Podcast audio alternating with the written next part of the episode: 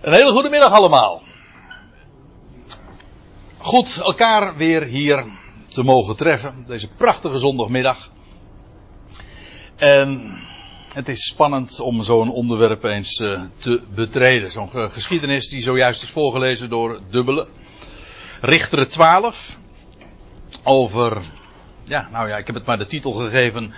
Shibolet of Sibolet. Dus het is geen, niet zozeer een kwestie van dat je Shibolet uh, of zo. Nee, het zit hem in die H, die sh of de S. Daarover straks nog even uh, uiteraard meer. Want ja, dat is toch wel heel cruciaal in deze hele geschiedenis. Maar laten we eerst eens eventjes uh, inzoomen op het Bijbelboek zelf. En meer speciaal ook de geschiedenis van deze richter. Het boek Richteren dat verhaalt van twaalf richters. Een getal dat natuurlijk sowieso al te maken heeft met Israël. Maar waarvan een aantal richters maar met één of twee pennenstreken beschreven worden. Een van de richters die veel uitgebreider beschreven worden, naast bijvoorbeeld die van Simpson, dat is de laatste trouwens. Um, nou, noem er nog eens een paar, Ehud of Gideon met name. Is daar ook de geschiedenis van Jefta. En het zal u niet verbazen dat al die richters op, op de een of andere wijze. Oh nee, hè. Uh, vanavond opnieuw opstarten. Ja, doe dat maar, ja. Maar nou ben ik de draad weer kwijt, want dan moet ik weer opnieuw opstarten. ja. Uh, ja, en ik was nog ietsje verder. Dat ging over de richters. Ja, al die richters zijn uiteraard. Dat kan natuurlijk niet missen. Dat zal ik in dit gezelschap ook niet hoeven verdedigen. Typen van Christus. De verlossers, namelijk ook van Israël. Eigenlijk is wel opmerkelijk dat hele boek Richteren. Dat is na de verlossing uit Egypte. Maar voordat Israël nog een koninkrijk is. En voordat het een het koningschap kent. En als je het zo zegt, dan begrijp je eigenlijk ook waarom het boek Richteren feitelijk in onze tijd ook zo actueel is. In die zin dat het ook een beschrijving is van de huidige tussentijd. Dat wil zeggen, de verlossing is al tot stand gebracht. En ik doel nu op Exodus, maar uiteraard vooral op het paaslam over de, de, de grote doortocht door de Schelfzee. Maar dan praat ik er uiteraard over de opstanding van Jezus Christus. Dezelfde tijd met Pesach. En het koninkrijk aan de andere kant, dat wil zeggen dat als Israël ook daadwerkelijk een koning zal hebben. Dat is toekomst. Wel, wij leven daartussen. Tussen de, de moment dat de verlossing principieel tot stand gekomen is. En aan de andere kant dat uh, Israël een koninkrijk is. En dat het koninkrijk gewoon geopenbaard wordt hier op aarde. Wel, daar leven wij tussen. En dat is in feite ook de beschrijving van de hele richtere periode tussen de verlossing en het koninkrijk in. Nou, als ik het zo zeg, dan maakt dat het boek Richteren voor onze tijd, in deze tussengeschoven tijd, zeg maar, voorafgaand aan het koninkrijk, heel actueel. En dat zie je bij al de richters. Maar daar gaan we het natuurlijk niet over hebben. We hebben het nu vooral over Jefta. En dan gaan we nog veel meer inzoomen. Maar laat ik eerst eventjes een aantal redenen aangeven waarom Jefta een type is, een uitbeelding of voorafschaduwing van Christus Jezus. Eerst eventjes, uh, dat lijkt me misschien ook nog wel zo gemakkelijk om even aan te geven waarom, uh, of wie Jefta is, want dat is misschien ook niet voor iedereen even helder. Wel, laat ik eerst eventjes iets zeggen over de betekenis van zijn naam. Dat betekent hij die opent. En dan zou je natuurlijk sowieso al heel wat bijbelse antwoorden kunnen geven. Hij die opent wat? Nou, bijvoorbeeld, ja, goh, noem, noem eens wat. De, de, die deuren opent, maar ook vensters opent, of de baarmoeder opent. Uh, daar waar de boel, als ik het eventjes uh, zo mag zeggen, potdicht is, is hij degene die opent. En als hij opent, dan sluit niemand. Staat er ook ergens anders in de Bijbel. Uh, afijn, Jefta, dat is de betekenis van zijn naam. Hij wordt meteen uh, ook beschreven. Je vindt zijn geschiedenis trouwens in. En in Richteren 10. dus de inleiding, Richter 11 en Richter 12. En in Richter 11, als die dan geïntroduceerd wordt, dan wordt hij meteen uh, zijn naam genoemd en vervolgens wordt er staat een dapper held.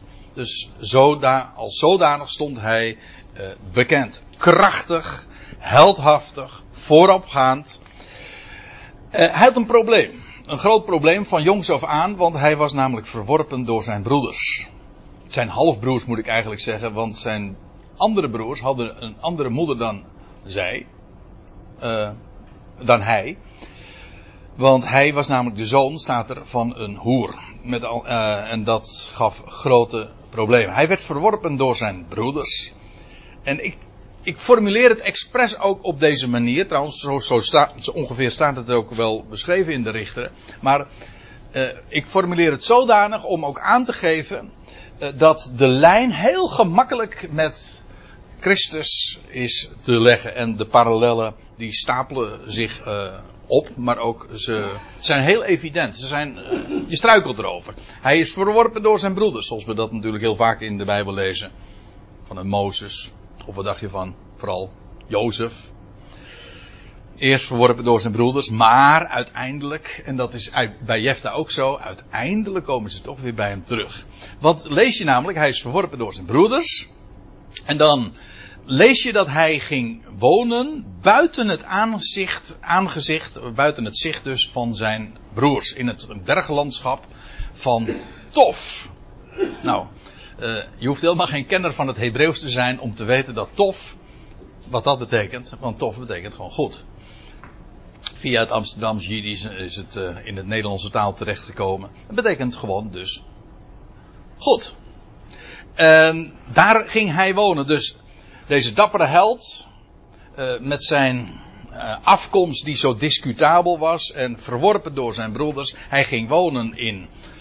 Uh, buiten het zicht van zijn broers, dat wil zeggen, die konden hem niet meer zien. Hij was er wel, maar je kon hem niet zien. En hij bevond zich in het land Tof. In het berglandschap van Tof. En dat betekende ergens in de hoogte was hij, maar daar was het goed. Nou, dat is toch een prachtig plaatje van waar Jezus Christus momenteel is. Verworpen door zijn broeders. Maar daar, waar is hij dan? Nou ja, we kunnen hem niet zien. Nee, maar hij is, bevindt zich daar ergens in de hoogte. En daar is het goed. En, de, nou, uh, dat spreekt ook wel tot de verbeelding. Dan lees je dat ledige mannen, in de Statenvertaling staat dan ijdele lieden, geloof ik, of ijdele mannen, die verzamelden zich rondom hem. Ook daarvan zijn er heel wat parallellen. Ik denk aan de, aan de mannen die in, bij Jozef in de gevangenis waren. Maar ik denk ook aan uh, David die verworpen was door zijn broeders. En dan lees je dat hij daar in de grot van Adullam is. En dan lees je ook dat er allemaal nietswaardige lieden zich rond hem verzamelden. En nou wordt het natuurlijk een beetje pijnlijk om te zeggen waar dat een type van is. Maar ik moet eigenlijk gewoon zeggen, het is een type van u en mij, zeg maar. Zijn broers hebben hem verworpen. Hij is ergens, ja, uh, hij is een outcast. Uh, verworpen. Buiten het zicht. Speelt geen rol in de maatschappij. Maar, en wie heeft hij dan om zich heen? Nou, mensen die le ledig zijn. Letterlijk staat dat woord ijdel betekent ook ledig. En dat betekent letterlijk dus gewoon leeg. En het grote voordeel van leeg is, is dat het gevuld kan worden. En dat is uh, feitelijk natuurlijk ook wat er gebeurt laat ik dan meteen bij de werkelijkheid, bij het antitype aankomen. Dat is wat de Heer met ons ook doet. Wij zijn leeg en Hij is het die ons vult. Ja, met wat anders dan woord. Dat is geest, kracht, hoop, uitzicht. Want, want u weet het, Hij opent en bijvoorbeeld ramen die dicht zitten en Hij opent de vensters. En hij opent zijn woord. Hij opent het graf. Kortom, hij brengt nieuw leven tot stand. Dat is wat hij doet. Uh, die ledige mannen verzamelen zich rondom hem. Maar daar blijft het niet bij. Uiteindelijk lees je dan dat. Uh, dan raakt Israël in benauwdheid. Meer speciaal het gebied van Gibea. Ik zal het straks ook aanwijzen. Uh, raakt in benauwdheid. En dan herinneren de lieden daar in Gibea zich. Hé, hey, die Jefta. Die is het als er redding is, dan moeten we bij hem aankloppen om, om, aan, onze aanvoerder te zijn en om de strijd te winnen. En dus met hangende pootjes komen ze weer bij Jefta uh, uit. En ze doen een beroep op hem. En dan wordt hij inderdaad hun aanvoerder en hoofd. Prachtig hè? Dus je ziet dus feitelijk die, die ledige mannen die zich dan rondom hem verzamelen in het land Tof, buiten het gezicht van zijn broeders. Dat is een tussentijd, maar het is, uiteindelijk komt men, zijn broeders en zijn landgenoten, zijn volksgenoten komen weer bij hem terug, als zij in de benauwdheid zijn. Prachtig type natuurlijk van hoe dat straks in de nabije toekomst ook zal gaan. En dan bindt hij ook inderdaad de strijd aan met de vijandige Ammonieten, want dat waren in dit geval de, de, de vijanden. En hij overwint. En dat is trouwens ook een patroon wat je iedere keer weer in het boek Richteren terugvindt. Israël die dan de Heer verlaat, dan, brengt, dan komen er vreemde volkeren uh, en die hebben dan weer de overmacht over, over het volk van Israël. En dan in grote benauwdheid roepen ze naar de Heer en die geeft hen, die verwekt hen dan een verlosser.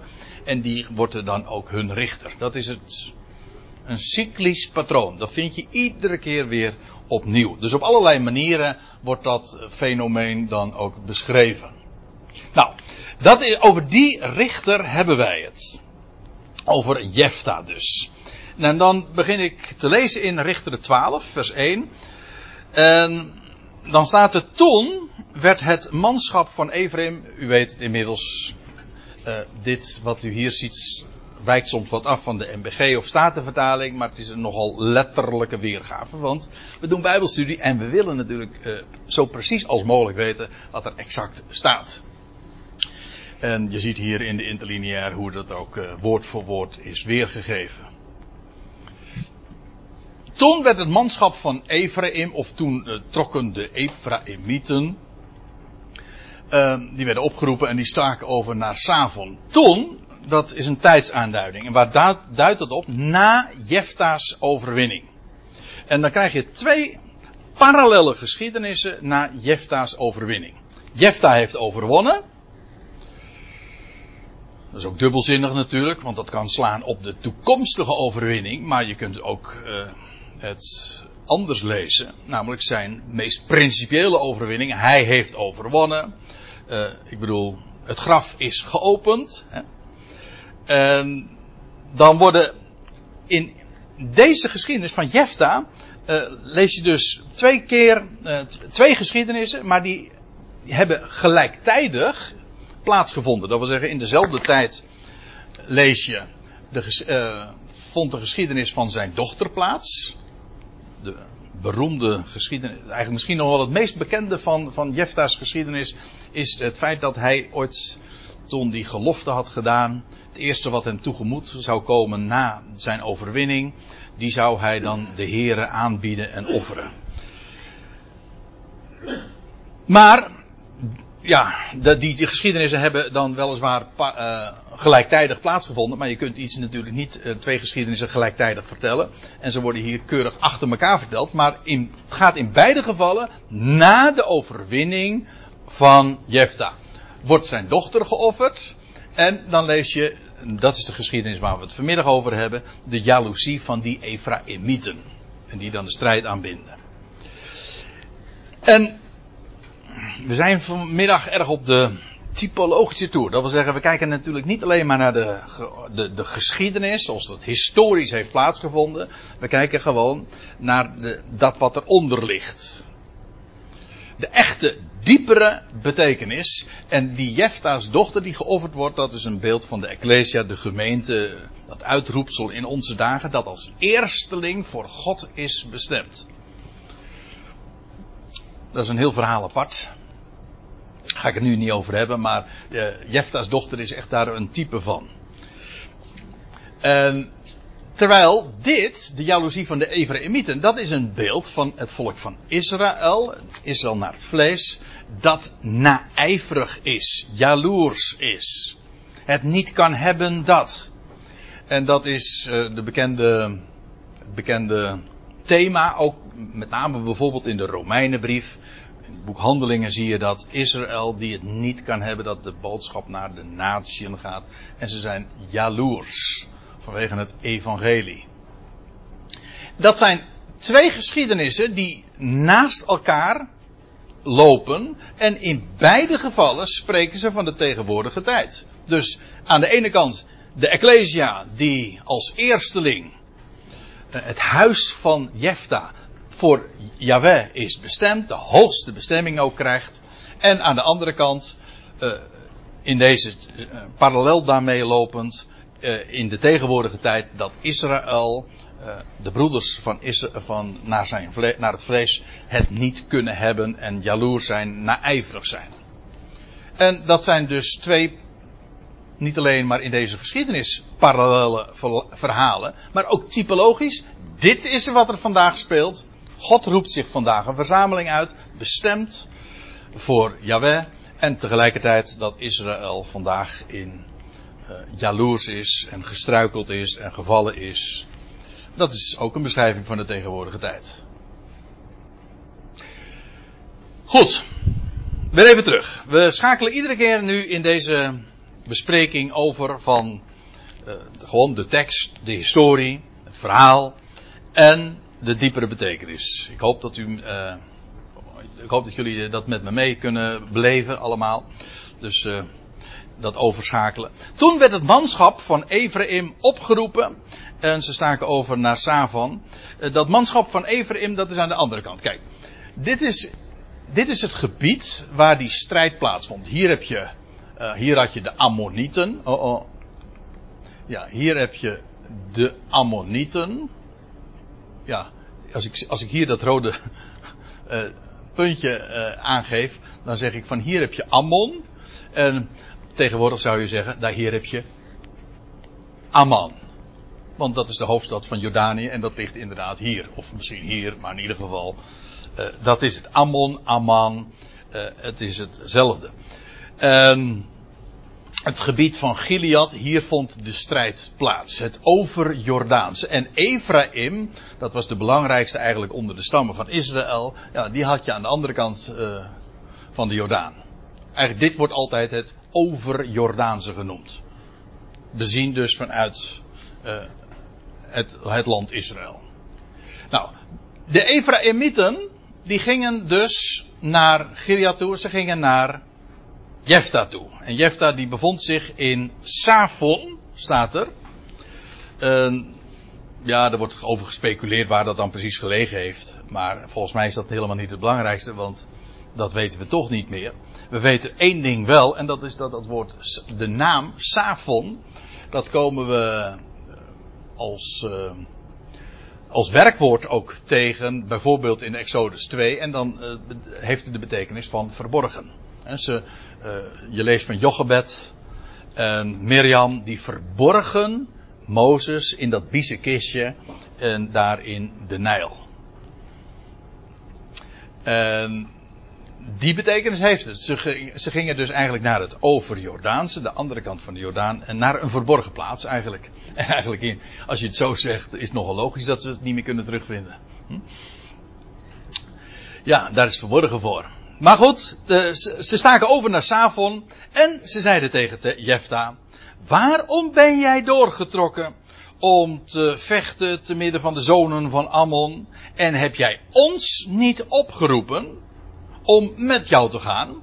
Dat doen ze dus nadat Jefta inmiddels gewonnen heeft, hè, overwonnen heeft. En Ephraim is daarmee in zijn, zoals dat in goed Nederlands heet, in zijn wiek geschoten. Ze, of op de teentjes getrapt. Er zijn wel meer uitdrukkingen die dat aangeven. Maar in ieder geval, dat is de kift. De Ammonieten zijn overwonnen en Ephraim als de belangrijkste leidende stam, aan de andere kant van de Jordaan zeg maar, uh, die is daarvan, uh, ja, die deelt niet in die overwinning en dat nemen ze hem buitengewoon kwalijk, dat, kun je, dat is nogal duidelijk. Het is puur, puur de jaloezie. Overigens klopt het niet wat zij zeggen. Dat blijkt straks wel uit de reactie van Jefta.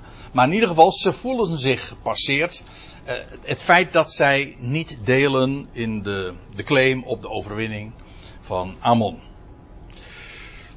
En dat is trouwens ook een fenomeen wat je al uh, in het boek Richteren vaker ziet. Want in hoofdstuk 8 vers 1 dan lees je dat. Maar dan gaat het niet over Jefta, maar dan gaat het over Gideon. Exact hetzelfde verwijt dat uh, Gideon ook Ephraim had uh, uitgesloten en niet had betrokken. En daardoor ook dat zij niet deelden in de overwinning. Dus zij komen bij Jefta en ze zeggen, waarom heb je, waarom heb je ons er buiten gelaten? Even in, met andere woorden dus.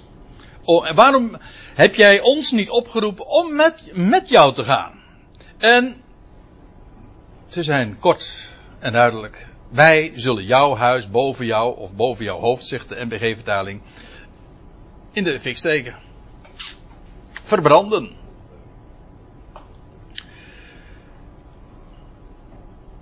dat geeft wel aan natuurlijk. Je zegt van ja, god, dat waren in die tijd uh, deed men dat zo. Maar dat geeft wel aan, in ieder geval, hoe, uh, hoe serieus en uh, hoe ernstig het hen erom ging. En hoe ernstig het voor hen was dat zij hier buiten stonden. Dit was echt, zij waren zo jaloers dat ze niet deelden in de overwinning van Jefta.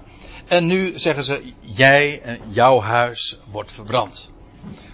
Nou, Ephraim, als beeld van het volk dat in het land woont, want zo was het toch, hè? Oh, nou, gewoon, dan moet ik weer heel ver. Dit Ephraim, dat zijn de bewoners van het land. Wel, Ephraim, is daarmee dus ook een type van Israël. Zij delen niet in de overwinning van Jefta en zij zijn daarom jaloers. Ephraim is een type van Israël, maar waar is Jefta's huis een beeld van? Ja, Jefta is een type van Christus. Zijn huis en dat wat daarin is, ja, dat is een type van het huis van Christus in onze dagen. En zoals ik dat al eerder ook aangaf, trouwens, van Jefta's dochter. Dat is ook een type, ja, dat eigenlijk, want hij had maar één dochter. Voor zijn vrouw weten we trouwens helemaal niets. Maar hij had, een dochter, en die was daarmee dus sowieso al de eersteling. Eigenlijk de enige zelfs. Dus ook de eerste. Maar, uh, zij was een type van de Ecclesia, maar het huis van, van Jefta, dat zou in de, in de brand gestoken worden, zou vernietigd worden. In type. Wat hier gebeurt is dat de inwoners van het land, Israël, dat in ongeloof is, dat Jefta niet kan zetten en niet, uh, en zich gepasseerd voelt en om die reden Jefta verwerpen en niet alleen Jefta, maar ook allen die bij hem horen. Nou, dat is een, een beeld van de Ecclesia. Dat is wat hier gebeurt. Dat is wat Israël ook deed ja, nou ja, eigenlijk in de hele periode van het boek Handelingen. Dat de boodschap ging eerst naar hen toe, ze hebben het verworpen. Vervolgens ging het naar de natieën en men heeft altijd de gemeente verworpen. Feitelijk is Saulus in die hoedanigheid ook daar een type van. Die Christus en de Ecclesia eh, vervolgde. Zij zijn voornemens om dat te doen, maar het gebeurt niet. In feite wat er gebeurt is het omgekeerde. Zij willen het huis van Jefta verbranden, vernietigen, verwoesten, niks, uh, compleet ruïneren. En, dat zijn ze, en daarvoor zijn ze ook gekomen met die delegatie. En eerst krijg je nog de reactie van Jefta. Maar Jefta zei tot hen: Ik was de man. Ik en mijn volk. Wij hadden een hevige twist met de zonen van Ammon de erfgenamen van Ammon, de Ammonieten dus. En ik schreeuwde naar jullie. Want ja, Israël was in grote nood, de Ammonieten in grote uh, getalen waren ze, wilden ze Israël of uh, het land van Gilead in eerste instantie willen ze onder voet lopen. En toen heeft hij geroepen. En nou zegt, eh, pardon, nou zegt Jefta, ik heb geroepen. Maar jullie hebben niet geluisterd. Jullie hebben geen gehoor gegeven. Ach, die Ammonieten die waren toch aan de andere kant van de Jordaan. En misschien hebben ze gedacht van dat gaat ons wel voorbij. In ieder geval, Jefta zegt, ik schreeuwde naar jullie. Ik heb geroepen, maar jullie hebben het niet gehoord. Maar jullie hebben mij niet gered uit hun hand. Ook hier lees en beluister dit ook weer met die, met die dubbele bodem. Hè? Dat wil zeggen, Jefta heeft geroepen, maar in het land gaf men geen gehoor aan zijn roep. En toen ik, zegt Jefta, hij vervolgt zijn verhaal, toen ik zag dat jij, Ephraim, jullie als volk, dat jij niet kwam om te redden, toen stelde ik mijn ziel in mijn hand. Zo staat het er letterlijk. In de MBG-vertaling staat er dan, uh, toen zette ik mijn leven op het spel. Ik heb mijn ziel gewaagd. Ik heb mijn ziel in de waagschaal gesteld. Prachtig type natuurlijk, ook hier weer. Jefta die niet alleen maar uh, de overwinning behaalt, maar hoe, hoe behaalde hij de overwinning? Wel, hij stelde zijn ziel in zijn hand. Oftewel, in gewoon Nederlands, hij zette zijn leven op het spel. Hij heeft zijn leven ervoor gegeven. En dat is wat hij deed. En, terwijl het, de inwoners van het land, Ephraim, had er geen oren naar. Ze hebben niet geluisterd naar zijn roep. Hij zegt, ik stelde mijn ziel in mijn hand en ik ben doorgetrokken tot de zonen van Ammon. En Yahweh heeft hen in mijn hand gegeven. Waarom zijn jullie deze dag tot mij opgegaan? Om tegen mij nu te vechten? Eigenlijk is de gedachte van, uh, ik heb de overwinning behaald. Oh, nou, eigenlijk, de eer komt aan Yahweh natuurlijk toe. Hè? Yahweh heeft hen in mijn hand gegeven, zo is het. Daarom, daarom uh, kon ik dit ook doen. Ja, je ziet hier trouwens, Jef, Jefta is een prachtig type, ook daarin van de Messias. Die zijn leven in de waagschaal stelde, maar omdat hij ook wist, van hem heb ik het te verwachten, hij geeft de overwinning. En dat is ook daadwerkelijk gebeurd. Hij zegt, en waarom nemen jullie mij dat nu kwalijk? Als Jaweh dat mij gegeven heeft. Tegen alle verwachtingen in, want getalsmatig waren ze feitelijk geen partij. En toch, ja, als jou, hoe is het ook alweer? Als hij voor je is, wie kan er dan, of wat kan er dan tegen je zijn? En bovendien komt er ook nog eens een keertje op neer. Die zonen van Ammon, die waren nu verslagen. Maar de, dat was ook nog eens een keertje het profijt van Ephraim zelf. Want stel je voor dat, uh, dat de zonen van Ammon uh, uh, door waren gegaan dan hadden ze ook nog eens een keertje het land van Israël, van Ephraim, uh, onder de voet gelopen. En dan hadden ze. Dan hadden zij dus ook in de nederlaag. Uh, waren zij dus ook uh, te neergeworpen. Met andere woorden, Ephraim profiteerde van Jefta's overwinning. Dus waarom? Waarom hebben jullie dit nu, nu tegen mij gebunt en waarom zijn jullie nu naar mij gekomen om te vechten, om tegen mij te vechten. En dan staat er en, en Jefta, want ja, nu die, uh, ze waren al gepositioneerd, ze, de strijd, ze zouden hem zijn huis in de, in de brand steken. En Jefta riep alle mannen van Gilead bijeen. En hij vocht met Ephraim. In feite is dit gewoon een stammenstrijd dus, hè. Want onderling. Ik bedoel, het ging eerst naar de zonen van, eh, om de zonen van Ammon. Maar nu, uh, ja, een strijd tussen. Eigenlijk, het is nog sterker. Het is niet alleen een strijd tussen de zonen van Israël, maar het is. Ik kom er straks nog even op terug. Het is in feite een strijd tussen de zonen van Jozef. Uh, parkeer het, ik kom er straks nog even op terug. Uh, als ik verder in dit vers kom. En Jefta riep alle mannen bij, uh, van Gilead bijeen. Hij vocht met Ephraim. En de mannen van Gilead, die versloegen Ephraim. Opnieuw dus weer uh, een, een, overmacht, want dat was Ephraim, was veel groter en machtiger dan, dan de mannen van Gilead, maar niettemin, ook Jefta uh, overwint hen. En waarom uh, verslaat hij hen? Wel, omdat zij zeiden, en nou kom ik uitlegkundig op het lastigste gedeelte van, dit, van deze geschiedenis, omdat de uitleggers heftig van mening verschillen over de vraag wie zij nu eigenlijk zijn. Zijn zij de mannen van Gilead of zijn dat nu de mannen van Ephraim? Nou, laat ik dan meteen maar vertellen. Ik kan de voor en tegens nou wel tegen elkaar zo opwegen. En, maar ik uh, wil u op deze mooie zondagmiddag niet vermoeien met alle plussen en minnen. Uh, ik kies even voor de korte route. Ik snijd dus even af. En ik zeg, zij, dat is meervoud. En dat slaat op de mannen van Gilead, niet op Ephraim. Ik geef toe, in de MBG-vertaling komt dat niet uit de verf, want dan hebben ze hier vertaald Ephraimieten en dan is nog weer meervoud. Maar het staat gewoon enkelvoud. Hoe dan ook, eh, de mannen van Gilead die versloegen Ephraim omdat zij, namelijk de mannen van Gilead, zeiden, dus wie zijn hier aan het woord? De mannen van Gilead.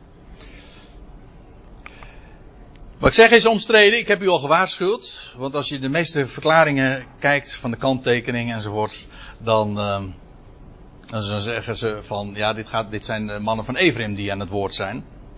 Trouwens, als je de kanttekeningen van de Statenvertaling hebben, hebt, die geven het, uh, als het mij vraagt, wel goed aan. En die zeggen inderdaad, het gaat hier, de mannen van Gilead zijn hier aan het woord. En zij zeggen dit tegen Ephraim. Jullie zijn weggelopenen, ontkomenen van, uh, weggelopen van Ephraim. Jullie zijn weggelopen. Dit is heel logisch, hè? Want wat zegt Jefta namelijk tegen e- Ephraim? Hij zegt, ik heb geschreeuwd en jullie hebben geen gehoor gegeven. Jullie zijn dus weggelopen hè, van mijn geroep. Jullie hebben niet geholpen. Dat, dat stond er in vers 2. En vandaar dat hij zegt, jullie zijn weggelopen van Ephraim. Weggelopen namelijk van Ephraim. En dan staat er nog bij, Gilead, die, dat ligt midden tussen Ephraim en Manasse. Nog eventjes een, uh, nog een paar dingen. Uh, Gilead, dat behoorde aan de stam van Manasse. Ik ga het nu niet opzoeken, ik heb er twee teksten bij genoemd, maar daar lees je inderdaad, het land was verdeeld onder de stammen van Israël en onder de geslachten. En dan lees je inderdaad dat het gebied van Gilead, het overjordaanse, voor het gemak even, uh, dat wordt gegeven aan de stam van Manasse. De halve stam van Manasse. Maar het grenste aan Ephraim.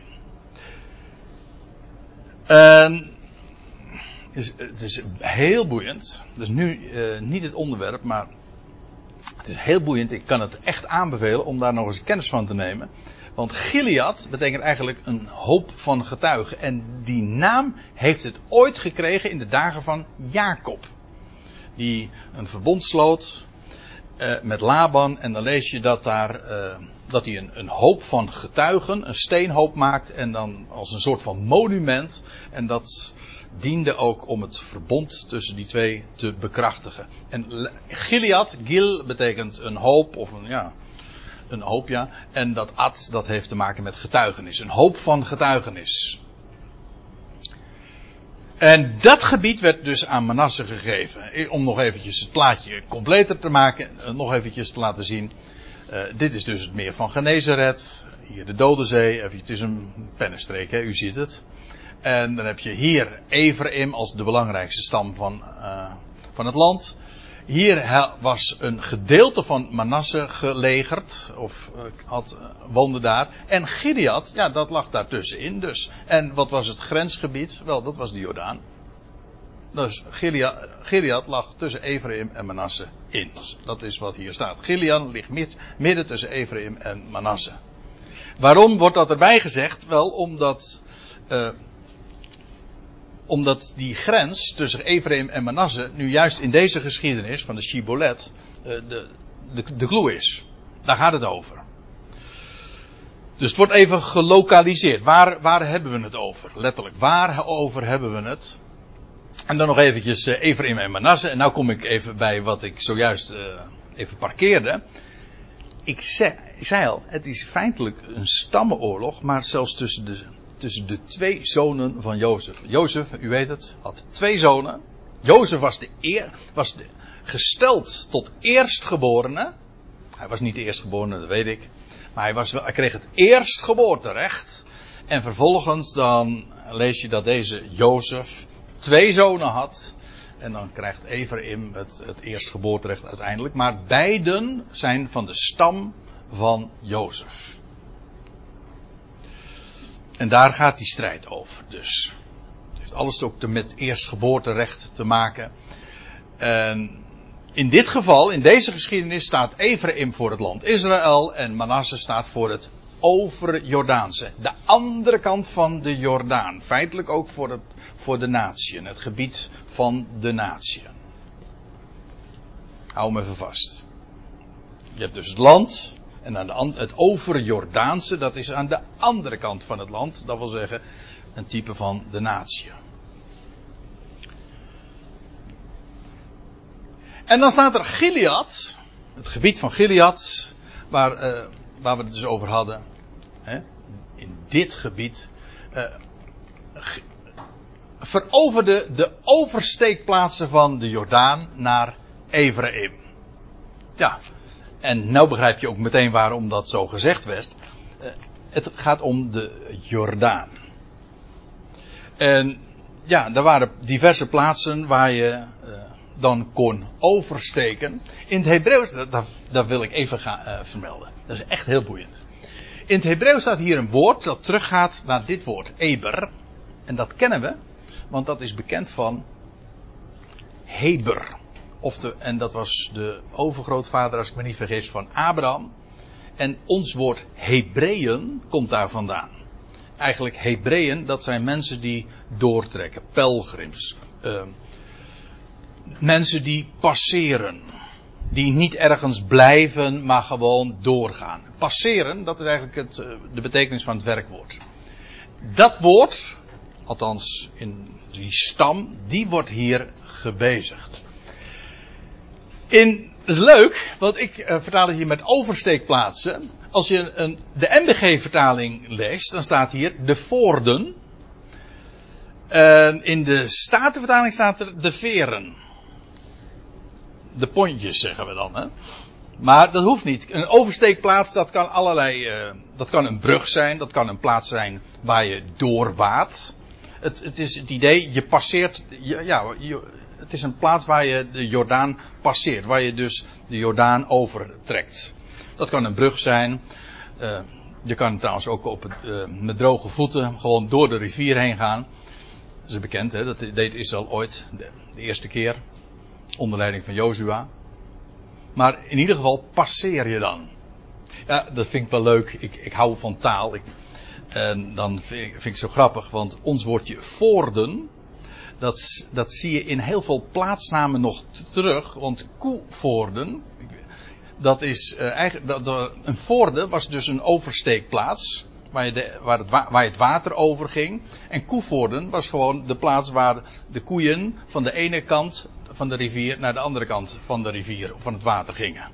Een, een, voorde of een veer of een pont of een oversteekplaats voor de koeien.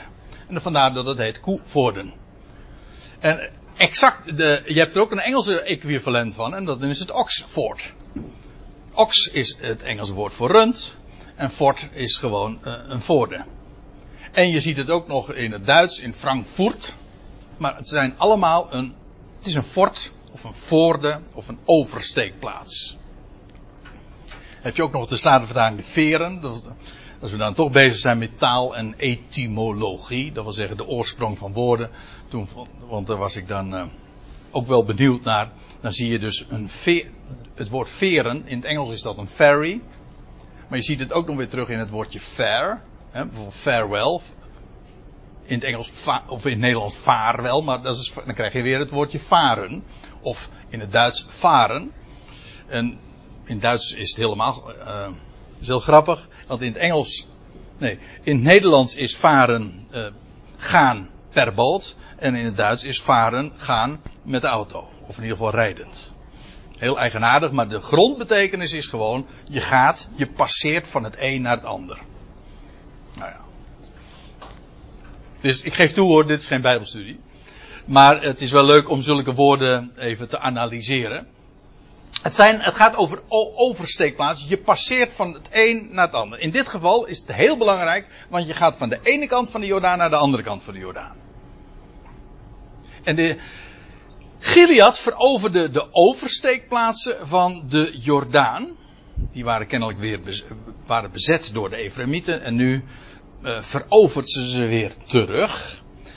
En de plaatsen dus waar je van, de, van het overjordaanse weer terug kon gaan naar het land. En ja, dat is een bekend fenomeen. En ik, ik herinnerde er zojuist al eventjes aan, of ik refereerde ernaar, dat eh, het oversteken van de Jordaan, ja, dat is natuurlijk de eerste keer, is de doortocht door de Jordaan. Dat ging trouwens in dezelfde richting. Vanuit het overjordaanse moest men het land in. En dat deed men onder leiding van Jozua, Joshua. En dat was ook weer bij het begin van de gerstoogst. Staat er heel uitdrukkelijk ook bij. Ik, en voor de goede orde, de begin van de gerstoogst, daar is een speciale dag voor op de kalender van Israël. Dat is de dag van de eerstelingsscharven. En de dag van de eerstelingsschoof is de dag dat Jezus Christus opstond uit de doden. Dus als je zegt het begin van de gerstoogst, dan is daar ook een speciale datum voor geprikt in de Bijbel. En dat is de daags na de Sabbat. Nou ja, het is eigenlijk feite geen, niet een specifieke datum, maar wel aangegeven. Het is daags na de Sabbat. En op die dag, wel, is Jezus Christus opgestaan uit de doden. En het is ook de tijd geweest dat Israël door de Jordaan ging. Trouwens, toen ze uit Egypte gingen, was dat ook al die tijd. Ook namelijk met Pascha. Rond het Pascha. En u weet, Jozua. Ja, dat is degene die onder wiens leiding men door de Jordaan gaat en in het beloofde land terechtkomt. En uh, zou niet moeilijk zijn om aan de hand van allerlei spirituals, van die Negro, Negro uh, spirituals, die gospel songs, uh, allerlei voorbeelden te geven waarin dit thema dan genoemd wordt. Roll, Jordan, roll. En je krijgt van Joshua voor the Battle of Jericho. En nou ja, al dat, dat, dat soort songs. Ze zijn Urk erg zingerig. Maar uh, weer niet zo van dat. Wel zingerig, maar niet zwingerig. Hè? Ja. Dat komt nog. Het Turkerkoor. maar uh, dat was uh, Jozua. Die dus door de Jordaan ging. En ik zeg het ook omdat het van ouds uh, ook een embleem is van de overwinning op de dood. Het passeren van de Jordaan. En het heeft zelfs een, een naam die zo gangbaar is. De doodsjordaan. Hoe, je, hoe kom je in het beloofde land terecht? Wel, door, dan moet je eerst door de Jordaan.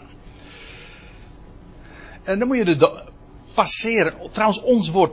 Dat is nog leuk. Dus, als je eenmaal op die tour bent. Maar ons woord passeren. Is direct verwant ook weer aan het woord pasga. Betekent overslaan. Maar ook eh, passeren. En uh, Pasen dus. Ja, je passeert de dood. Dat is wat het uh, eigenlijk uitbeeldt. En anders, goh, daar zou je toch een, uh, daar zou je nog eens eventjes een hele verzameling van schriftplaatsen kunnen aanleggen. Van iemand, mensen die de Jordaan passeren. Van Jacob die de Jordaan doorging. Of van Elia die de Jordaan doorging. En die trouwens toen ook ten hemel voer. Of van Naaman die in de Jordaan ging, maar ook een ziek erin ging en er genezen uitkwam. Of van Johannes die in de Jordaan doopte. En die Heer Jezus die ook in de Jordaan gedoopt werd en hij stond op uit de Jordaan en toen daalde de geest in de gedaante van de duif op hem neer en de hemel ging open en er werd gesproken. Dit is mijn zoon, mijn geliefde in wie ik al mijn welwagen heb. Dat is allemaal bij de Jordaan. Het passeren van de Jordaan is een beeld van dood en opstanding. Die gedachte zit ook hier in deze geschiedenis besloten. Kan niet missen. Gilead veroverde de oversteekplaatsen van de Jordaan naar Ephraim. En het geschiedde. Wanneer ontkomenen, wanneer ontkomenen van Ephraim zeiden, laat me oversteken. En als we het over songs hebben, dan denk ik meteen aan Schipper mag ik overvaren. Hm? En toen ik daar uh, thuis nog even aan dacht, toen ging ik eventjes verder. Schipper mag ik overvaren? En is ja of nee. En dan is het, moet ik dan geld betalen? Ja of nee? Ja, dat is de clue. Mag ik overvaren? Is de eerste vraag. En, en als ik dat over mag varen, uh, wat kost dat? moet ik dan geld betalen? Ja of nee? Nou, dat is hier dus ook de grote vraag. Ik zal het laten zien, want dat heeft alles met Shibboleth te maken.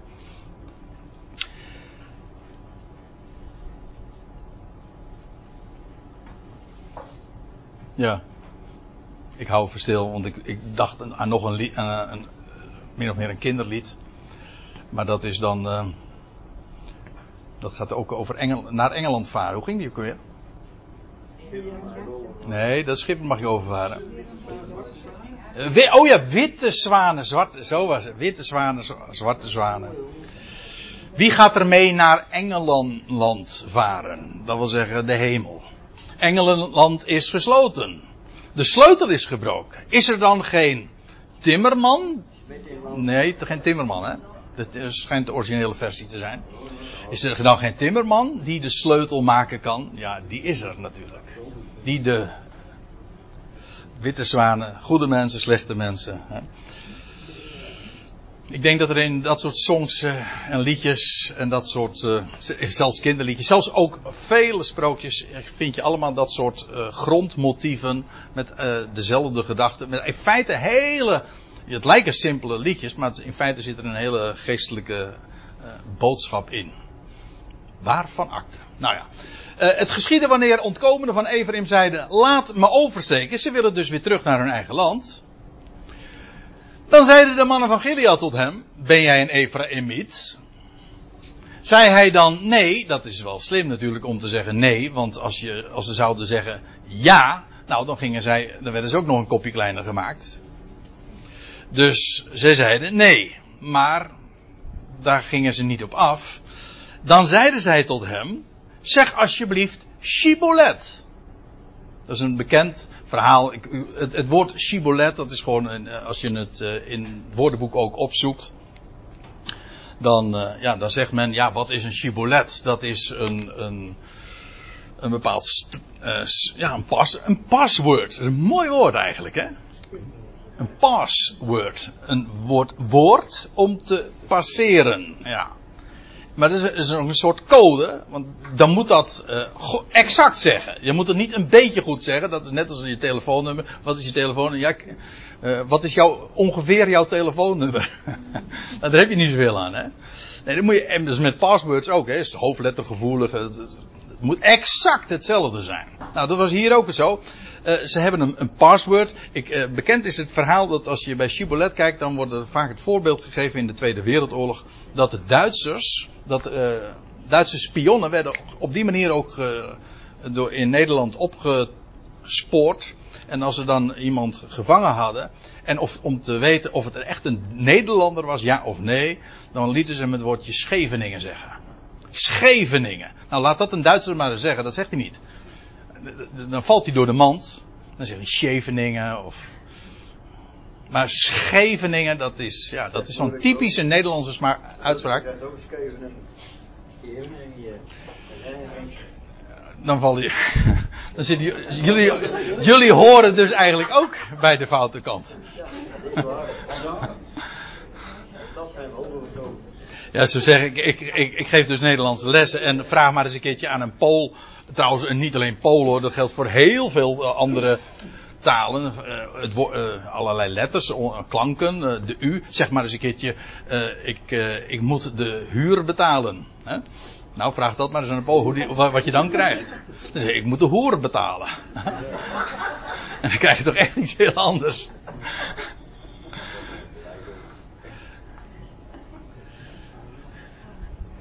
Maar goed, dit was hier Shibboleth. Dat moesten ze zeggen. Um, maar nou gaan we eventjes wat dieper spitten. Je kan natuurlijk zeggen van nou goed, dat was de manier om te testen of het iemand... Als mensen uit Ephraim waren, konden ze niet op zijn... Op zijn um, was het ook weer? op zijn Gileads konden ze geen Shibolet zeggen. Dat konden ze niet. Um, voordat ik nou even verder ga, wat ze dan wel zeiden, maar eerst nog even dit. Dat woord Shibolet heeft een, uiteraard een betekenis. Uh, Scheveningen is een plaatsnaam, in dit geval een Shibolet, dat is een korenaar. Enkelvoud. En we komen dat eh, heel wat keren in de Bijbel tegen. Bekend is in de geschiedenis van Jozef, nee, van de droom van Farao, die eerst droomde over zeven korenaarden, weet u wel, en later over zeven koeien. Die ook uh, bij de koevoorden, zeg maar, uit de Nijl kwamen. Nou ja, af. Uh, spoelen we door. Maar in ieder geval, uh, korenaren. Dan vind je dat, weer dat woord shibolet. Maar ook bijvoorbeeld, en ik neem je nu even mee naar Rut 2. Daar staat er. En Rut, de Moabitische, die zei tot Naomi: Laat mij naar het veld gaan en aren lezen. En dan staat hier gewoon, ik heb het hier uh, even rood omrand. Shibol. Of Shibal. Maar je moet eigenlijk alleen maar letten naar, niet op die puntjes en die. Uh, die dakjes enzovoorts, die tekentjes daaronder en erin. Want dat is een uitspraakkwestie. Het gaat om de letters zelf. Het is exact hetzelfde woord. Aren. En dat is het woord. Shibol. Shibolet. En ik zeg er trouwens bij. Want we blijven uh, de draad vasthouden. En die moet je nu bij zo'n uh, onderzoek moet je de draad niet verliezen. Maar ook hier is het weer opmerkelijk. Ze gaat Aren lezen en je leest in Rut 2 vers 1. Of nee, het einde van hoofdstuk 1. Dat was aan het begin van de gerstenoogst. Dus weer heeft het te maken met de opstanding. En trouwens, als je het hebt over aren, ja, dan praat je over brood. En over leven. Het brood van het leven. Want een mens leeft, ja waarvan? Ja, niet van brood alleen, maar van waarvan brood een uitbeelding is, namelijk van alles wat de mond gods uitkomt.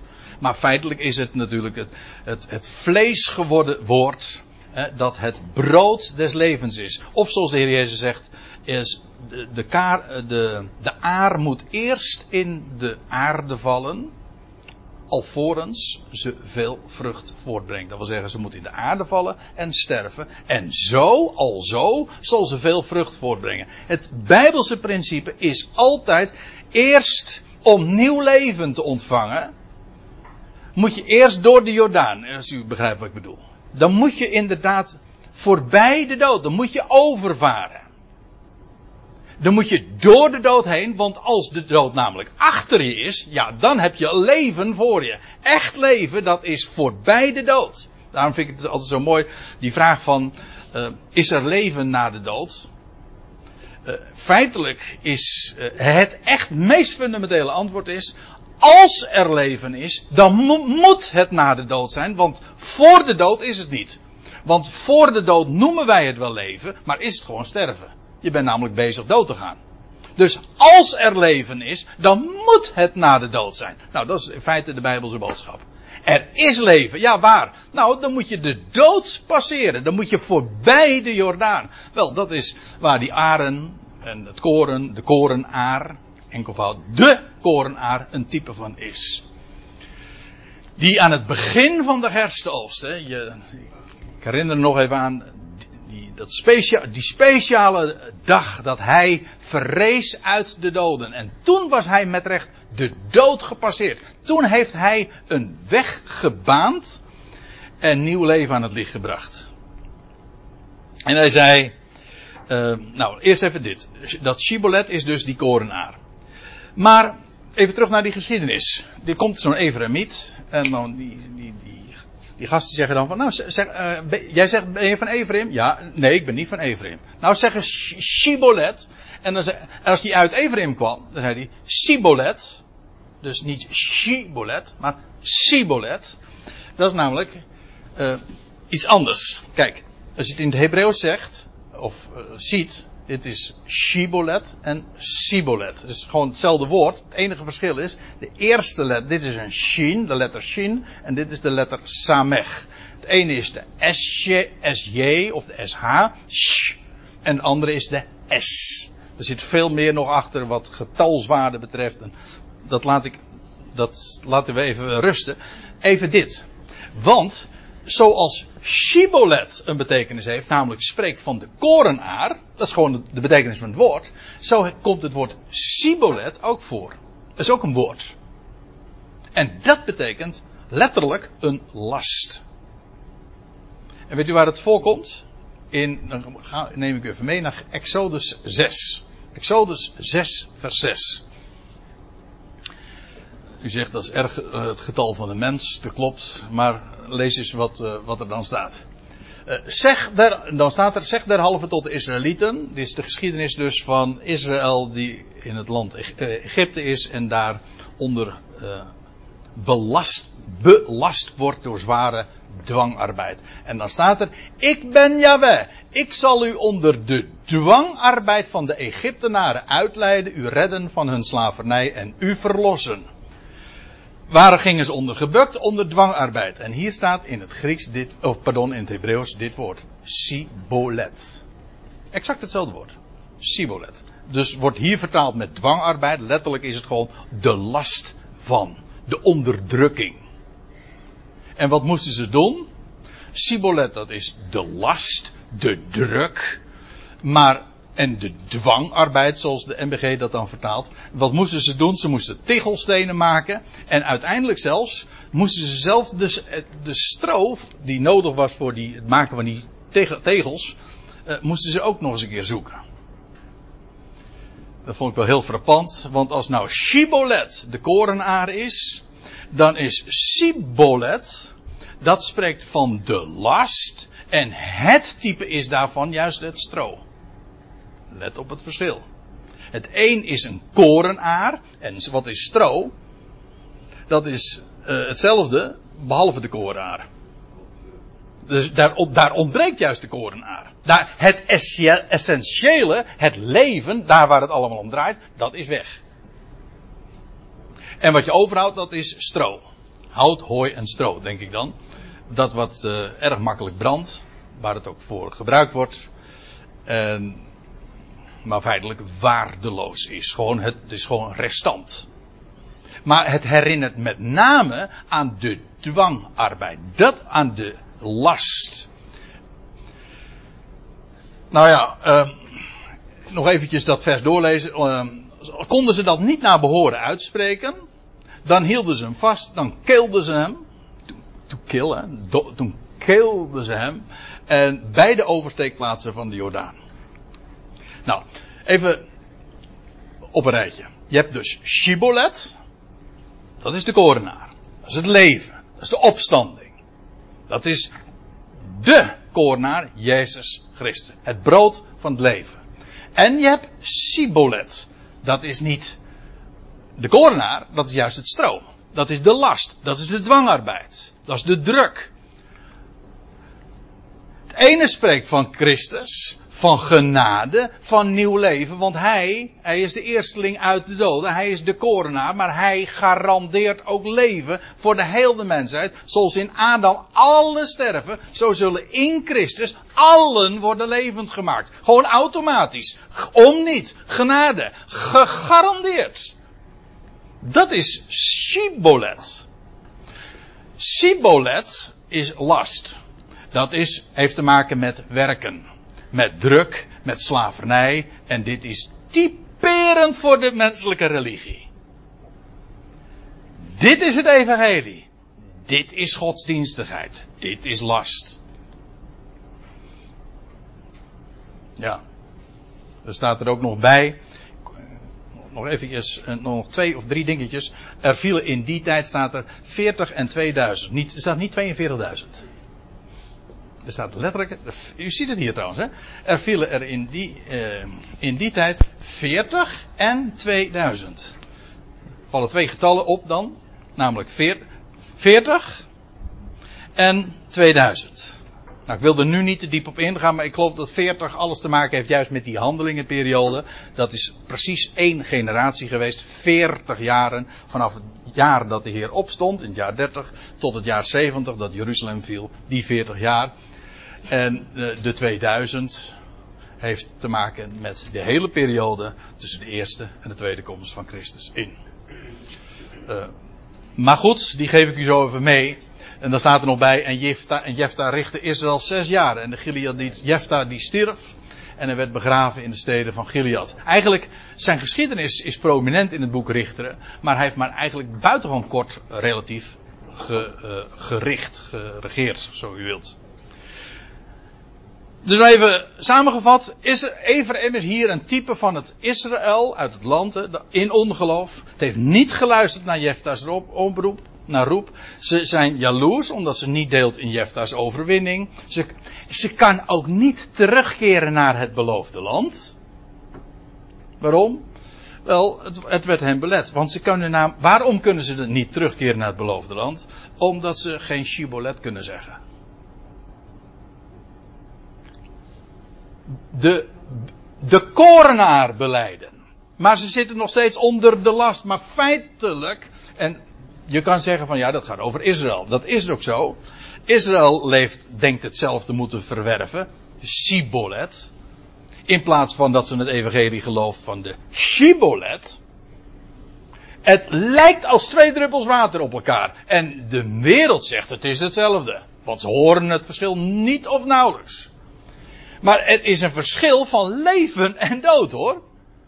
Het evangelie, dat garandeert Jezus Christus is de redder van deze wereld. Hij is de redder van alle mensen. Hij is de korenaar, want hij verzekert nieuw leven aan iedereen. Dat is Shibolet. En op het moment zeggen, ja, maar je moet het wel geloven. En degenen die dat zeggen, die, die geloven het niet.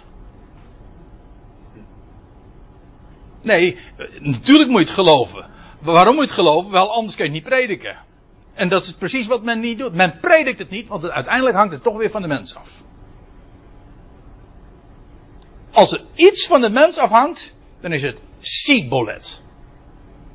Als het niet van de mens afhangt, dan is het shibolet. Dan kun je blijven leven. Dat is het grote, cruciale verschil. Is het evangelie, dan is het shibolet is geen evangelie, dan is het heel christelijk, het lijkt er als twee druppels water op, maar het is sibolet, het is dood. Dus het, is dus, het verschil is echt buitengewoon elementair. En het laatste wat ik wil zeggen, dat is echt het laatste. Dat is uh, een citaat uit Romeinen 9.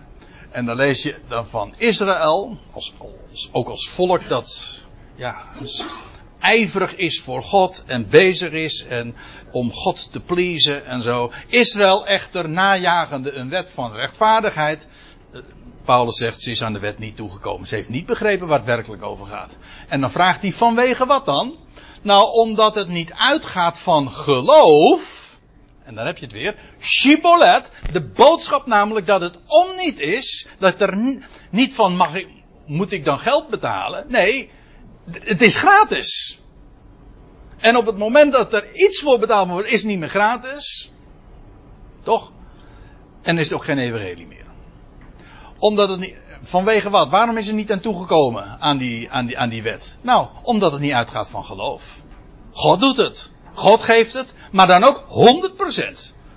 Want het is niet alleen maar genade, maar het is ook genade alleen omdat het niet uitgaat van geloof, zegt, die, zegt Paulus dan, maar als van uitwerken. Nou, dat is dus dit. Dit is werken. Dat is Sibolet. En daardoor stoten ze zich aan de steen van de aanstoot. Dat is juist het stoten van, van de, aan de steen van de aanstoot. Dat is Sibolet. U ziet, zo'n geschiedenis, die we vanmiddag zo even, nou wat zijn het, een stuk of zeven, zes, zeven versen, hebben bezien daar, daar zit zo enorm veel diepgang in. En het is zo actueel. Het verschil van dat minimale verschil tussen Shibolet en Sibolet. Dat is een verschil van leven en dood. Het verschil van evangelie en non-evangelie. Van werken, van last. En van ene word je erg blij. En van andere drukt te neer. Dat is stroom.